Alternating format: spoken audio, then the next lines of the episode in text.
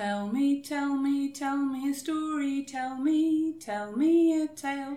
Tell me, tell me, tell me a story. Tell me, tell me a tale. Tell me, tell me tell me a story. Tell me, tell me a tale. Listen to my story, listen and listen well. Listen to my story, listen and I will tell. Dette er del tre av et program i tre deler som handler om Fortellerfestivalen 2019. Der var jeg, Heid Gjerstad, Tiril Bryn, Synne Lillenes, Georgiana Kiebel og Ylva Sjåstad og intervjuet og rapporterte derfra.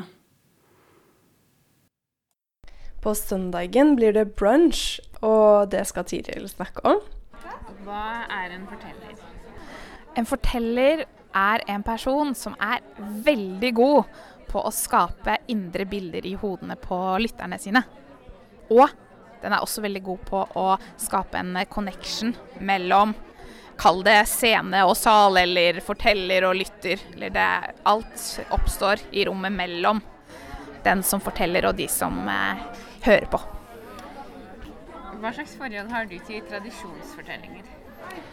Eh, Jeg har jobba en del med det sjøl som forteller, og syns jo at det er eh, spennende. Og så syns jeg også det kan være vanskelig noen ganger, fordi det er ofte mye altså, historier som har veldig gamle både holdninger og sant, verdier som man må prøve å få til å passe inn i dagens samfunn. Da, og at eh, Jeg har begynt å tenke mer og mer på det at som forteller så har du et ansvar da, i forhold til hva du videreformidler og hvordan du kan klare da, å ivareta kulturarven, men samtidig få det til å passe inn i dagens samfunn da, og si noe som du kan stå for. Da. Så, ja. Men Føler du at liksom, det begrepet forteller har en sånn tilknytning til tradisjonsmaterialet? Ofte. Det, når jeg sier jeg forteller, så får jeg ofte Å ja! Forteller eventyr for barn, ja. Men hva vil man egentlig at folk skal tenke når man sier at man er forteller? Det er et godt spørsmål.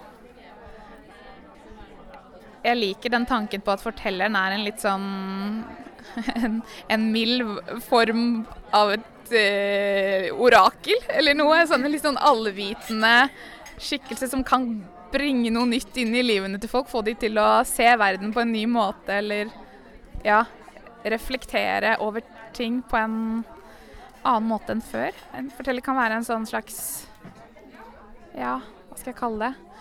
Er med på å bevisstgjøre, klargjøre gjøre tanker klarere for folk. Gi perspektiver? I perspektiver, ja. Mm.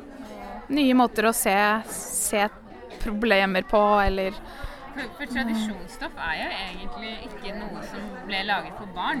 Nei, det er jo ikke det. Det er jo noe som ble laget eh, av voksne for voksne. Mm. eh, Som oftest, da. Mhm, ja. Og så var det jo barn også. Mm. Så det fins jo kanskje spor av, av viktige ting Mm. for alle, da. Ja, det, ja. Og så blir det liksom om å gjøre å formidle det på en måte som gjør at det faktisk engasjerer. Ja. Og lager rammer og sånn. Ja, nettopp. Forrige person jeg snakket med, han mente at vi burde ha en fortelling om hva Fortellerfestivalen er. Ja, det er kanskje ingen dum idé. Slik at folk kunne forstå hva det var Ja. dette var, da. Ja, en fortelling om hva Fortellerfestivalen, og hva fortellingen er, kanskje. Hva, for, hva forteller det. Og, og som skulle munne ut i en visjon, da. Sånn à la Molde bluesfestival. Europas beste bluesfestival. Ja. Så hva tror du? Mhm. Ja, tror eh, vi må i hvert fall eh, bli bedre på å definere for utenforstående hva vi er. Ja, hva vi driver med. Så ja, kanskje, kanskje fortelling er måten å gjøre det på. Fortellingen om Fortellerfestivalen. Fortellingen om Fortellerfestivalen. Ja. Den må noen lage. Den store visjonen som, og jakten på visjonen vi På trenger. visjonen. Men hva ønsker du deg for Fortellerfestivalens fremtid? Jeg ønsker meg at den får fortsette å vokse, at den når ut til flere av eh, de vanlige folka som eh, ikke vet hva fortelling er nødvendigvis. Men jeg ønsker meg også at det fortsetter samtidig å være en arena hvor fortellere møtes, og et, eh, nettverk for faglig utvikling, da. Og så ja, en balanse mellom det å nå ut til mange, men også ha, være liksom kvalitetsnettverk for, eh, ja, for de som driver med det også. Ja, Festivallederen beskrev jo liksom festivalen som en sånn sopp. Ja. Under bakken så kunne det være liksom flere kilometer med Er det Miocell, eller? Ja, ja, noe sånt. Så, så det er liksom Det finnes et miljø da, under der som, som både er et miljø av fortellere, men som også kanskje har noe å bidra til for folk utenfor, som ikke selv som vil oppleve det. Da. Ja. Det tror jeg òg. Jeg opplever ofte når jeg har fortalt for mennesker som ikke har hørt fortelling før, eller i hvert fall ikke vært bevisst at oi, det er en egen kunstart, og så at de blir helt sånn Hæ, dette her er jo helt eh, fantastisk, og det er så tilgjengelig, og at det, jeg tror det skal litt til å virkelig ikke forstå fortelling fordi det er så konkret i det språklige. på en måte. Du, så lenge du er innstilt på å være med og lytte og skape de bildene, så tenker jeg at du forstår noe. Det er ofte veldig eh, kronologisk oppbygd. Altså, det er en helhet. Det er, det er narrativer som vi er vant til eh, overalt i, i vår virkelighet, i motsetning til mye annen kunst i dag som kan være vri og vrenge mye mer på ja, rekkefølge, leke mer med dramaturgi og sånn. Sier ikke at fortellere ikke kan gjøre det, men at det, ja, at det er en kunstart som jeg tror at allmennheten egentlig har veldig gode forutsetninger for å både forstå og like. Da. At den er ganske direkte. Ja, ganske liksom, direkte. Liksom rett på. Yes. Og kan treffe Hvis Ja. den treffer, så rører den ved noe i deg, da. Ja. I sin direkte form. Ja. Mm. Tenker jeg. Og så blir det Stjele sølvlender med Heidi Dalsveen. Ja, vi har hørt Heidi Dahlsen fortelle Stjele sølvlender. Hva syns du? Det var et stort spørsmål. Jeg syns det er spennende at eh, vi prøver å finne møtepunkt mellom ulike uttrykksformer. Det Norske Kammerorkester og fortellerkunst kommer fra Det er to ulike medier, men det er også to veldig ulike tradisjoner. Og det er spennende at vi jobber med å eh, møtes. Er det noe spesielt ved forestillingen som traff deg? Jeg liker veldig godt at musikkmediet får lov til å prege måten man forteller på. Og det syns jeg Heidi fanger opp. Og så tenker jeg at det hadde vært gruelig spennende hvis vi klarte å finne folk som kan jobbe med en sånn forestilling som er kjent både i musikkmediet og i eh, det visuelle og i ordene. Sånn, eh, for hvordan kan vi få til å bygge enda tydeligere broer, enda tydeligere at, at det utfyller hverandre istedenfor å doble hverandre, f.eks. Ja, sånn at det er samme person, mener du? Det vet jeg ikke. Om det, er, om det er ett menneske som kan gjøre det, eller om det må være flere. Men eh, jeg syns det er veldig spennende at man utfordrer hverandres fagfelt med det. Ja, takk. Ja. Ifit Qureshi og hennes Humans of Oslo, hvordan blir det som fortelling? Møte med mennesker. Det gleder jeg meg til. Ifit Qureshi, thank you so much for that fantastic story, true story of your life. How did it feel to stand there and tell it to us today? It was really tough because I'm used to talking about humans of Oslo. I'm so used to telling other people's stories. I'm never used to telling my own personal story, going into those deep feelings that are involved as well. So it was an enormous challenge, even when I was um, talking to Aslak, who helped me with the with this uh, piece. I told him I find it really difficult to talk about what happened that day when I was attacked in the shop because it's something about showing your vulnerability in a way that you have no control over. Mm. I remember crying. I remember how upset I was that day. Mm. I remember crying out in the street and crying in the back of the taxi, crying in front of all the people that were waiting to talk to the police because I had to go to the police station afterwards. and I've always told other people's stories, and it was like now I'm sharing something about myself, and and it's like you always want to be strong. You always want to, and that's how people mostly have seen me as being somebody strong, Mm. being able to, you know, resilience. I think is the word I'm looking for. But I didn't feel that resilient, and even though people might say you're brave, I didn't feel so brave. I think there's something that happens when you're telling a story about yourself Mm. that you have to have another relationship with it. And once you get there and you share that vulnerability with us, you really give us a great gift. Mm. I wanted to ask you as well about the music. How did that come about? Well, uh, this was actually an idea of Aslak, uh, Mm. who who was the director of this piece, and he said that he wanted Bugge Wesseltoft, who's a famous Norwegian artist and composer, to play music in the background. And I thought that Bugge was going to play the music while I was talking, which would been kind of weird for me. But Bugge said, "No, I think it's best that I play in between." So when it's time for people to reflect, and I thought that was a beautiful idea. And Bugge and I didn't work together uh, on the music. We left it completely up to him and trusted him completely. So he heard my story, he realised what this was about, and just picked up on it. You know, the Wow. professional that he is, Yeah. he knew exactly what to play, and and he knew that the color yellow is one of my most fam- favorite pieces. So he played that as well Mm. in between just to you know and i must say that that i'm so grateful that he was part of this i'm so grateful that he actually understood the story and Mm. what it did to me and how it affected me personally so yeah i, I mean we never worked together in, in the studio or anything but just him understanding what the story was about was more than enough and understanding the emotions i- involved I think it was a very good choice. I mean, I felt it was just beautiful to just be able to yeah sit there, sink down into my human self, and yeah, reflect Mm. both about what you said and about my stuff. And Mm. yeah, I think one of the things which I love about your story is that you're talking about my town, and for me, absolutely the most important day in my town was the 22nd of July. Yeah. It was i mean not the 20 you know that was the the events afterwards when we were and I, i'm really happy that you you tell that story because that's not just your story that is everybody's story in this town and it's like the consciousness our consciousness Mm.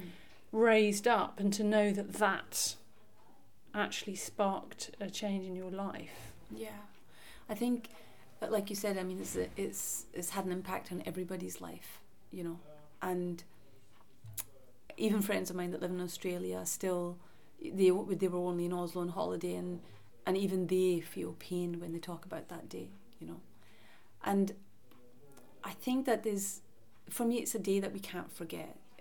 It's, I didn't want it to be that all those people lost their lives without us reflecting upon it, reflecting on the values or the lack of values that, that the terrorist was trying to impose, you know.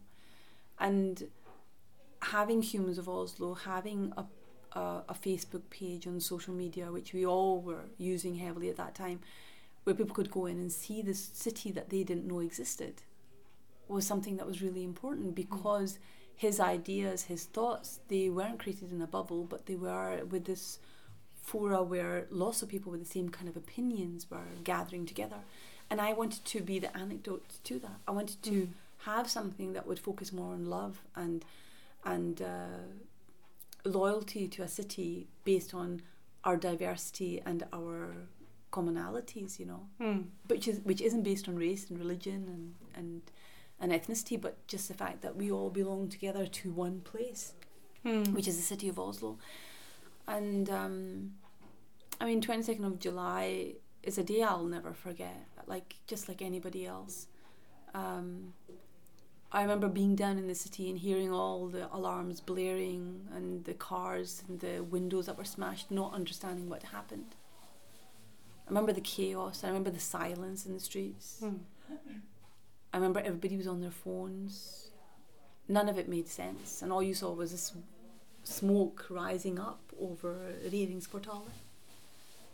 And thinking that was it, and then suddenly you're at home and there's shots fired at an island, and you think this is so surreal, this can't be happening. Hmm. But I remember how petrified I was for my son, and I because he was with me that day as well, and I t- I was picking him up, and I told him to hide in the car, uh, in the passenger seat below, because I mean he was at that time he was 16, 17, Hmm. and he had a beard and well like, you know, and looked like a young man. Hmm. And at that moment, I also thought it was uh, uh, Isl- Islamist that Mm. had committed the crime. And I was so scared for him. I thought that, you know, now his whole life was going to change. Hmm. And I remember like speeding home and, you know, telling him that he had to stay at home. And I was so scared. And in a way, it was almost a relief as well to know that it was somebody who was, no, you know, ethnic Norwegian. It was. It was just like yes, or we need to see that it's coming from Yeah. you know that normal Yeah. white Norwegian. Yeah. You know, apparently. Yeah. The guy next door. Yeah. But I think that that there's, it was so important not to not to vilify like many people Yeah, would have would have yeah. wanted to vilify all. Norwegian men within Yes, a specific quite. age That's just another trap to fall into. It is, it is, and that was why Humans of Oslo was so important for me as well. Mm. That we showed all sides of the society, different backgrounds. Where there was fear, that's where I wanted to go out and search. I remember there was one time one man I had met, and he had like rubber bands attached to his glasses. And his fingers were grubby and dirty, and his glasses were obviously old. You could see that they're probably like from, you know, 80s or something Mm. and he had all these books with him and pages upon pages of writing and i asked him you know where was he going and what was he doing and what was his passion and for decades he'd been studying the news and he had all these all his analysis had been put into these notebooks which he carried around with him like precious you know Mm. um, and I just, that's such an amazing guy. Imagine if I hadn't talked to him just because he was homeless. Mm. I'd like to ask you one last question, um, and that is at the beginning of the story that you told us today, you spoke about how safe you felt as a child at- home and yeah, how you felt accepted and yourself. And I wonder if you can just say a little bit more about what that was like. yeah, well, I mean, I grew up in a large family. We had uh, one bedroom, one living room, uh, and the kitchen. And for many years, I slept next to my mother, together with my other two sisters, because there wasn't enough space. And in another bedroom, there was three sisters, and another in one of the cupboards, there was another sister sleeping there, and my father slept in the living room. And I remember my sisters coming home and telling stories in English while, while we were talking to my mother in, in Hindko, which is like Punjabi, and communicating in both languages and laughing together, talking together, crying together, hearing my mother, uh, or even sense her tension when we would go out. And I mean, this safety that I felt at home is undescribable, like up to the age of five at least, because that when you're five years old, you start school Mm. you know. And it was so strange for me because suddenly I wasn't special. Because I was the youngest then. I wasn't special.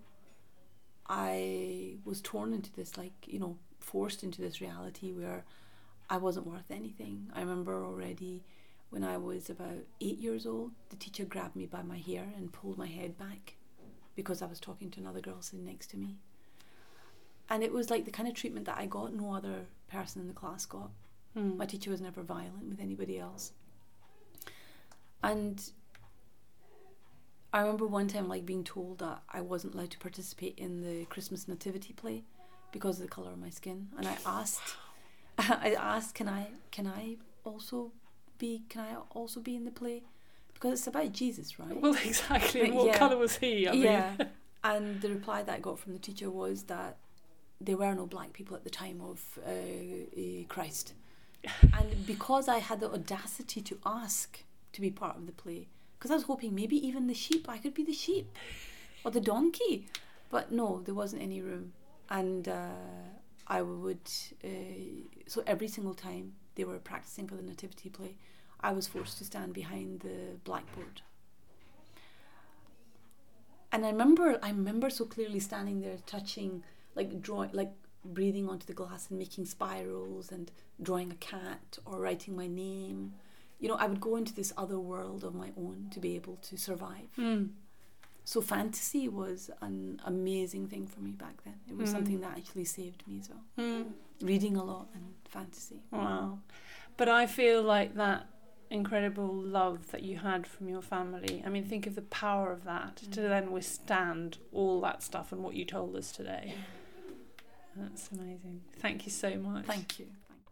Etterpå, på søndag ettermiddag, blir det altså akuttfortelling, som er eh, eh, historier fra flyktningleir på Lesvos.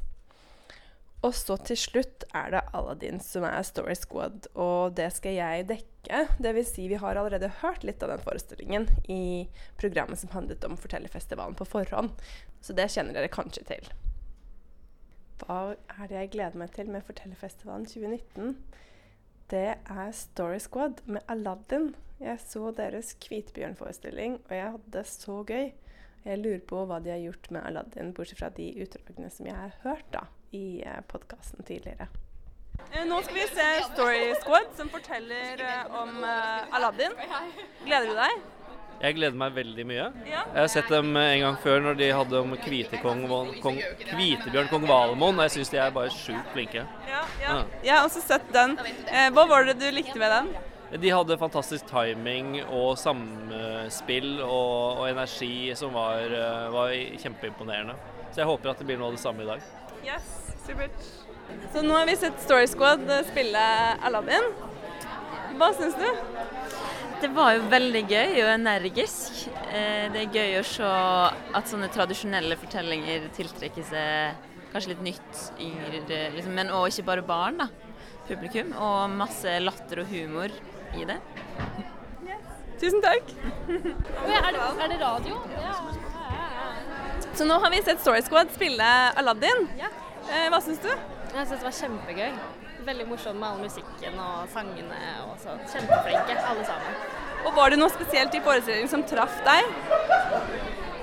Jeg vet ikke om det traff hva som traff meg mest, men det var veldig gøy med musikken. Syns jeg at de drar inn musikken i fortellerhistoriene. Yes. Takk. Eh, Er det noen av dere som vil eh, kommentere? Det var veldig bra. Ja. Sykt bra. Ja. Veldig kult med mm, egne rytmer og synging og veldig stilig hvor mye man kan gjøre med fire personer. Veldig kult. Men ja, nå er festivalen over. Ja. Hvordan kjennes det? Jo, man blir jo litt opplivet av denne siste forestillingen. Det har vært veldig variert. Fra liksom hjerteskjærende om flyktningleiren og så rett på denne feel good Aladdin. Hva med deg? Ja, det har vært kjempevariert. Mm, så har jeg ikke vært på alt, da. Men eh, jeg er jo glad for at jeg kom. Mm. Ja. Men nå er det over. Nå er det over for denne gang. Ja. Lukk øynene og se, vi tar deg med. Østen for sola, østen for Østen for sola, vesten for månen.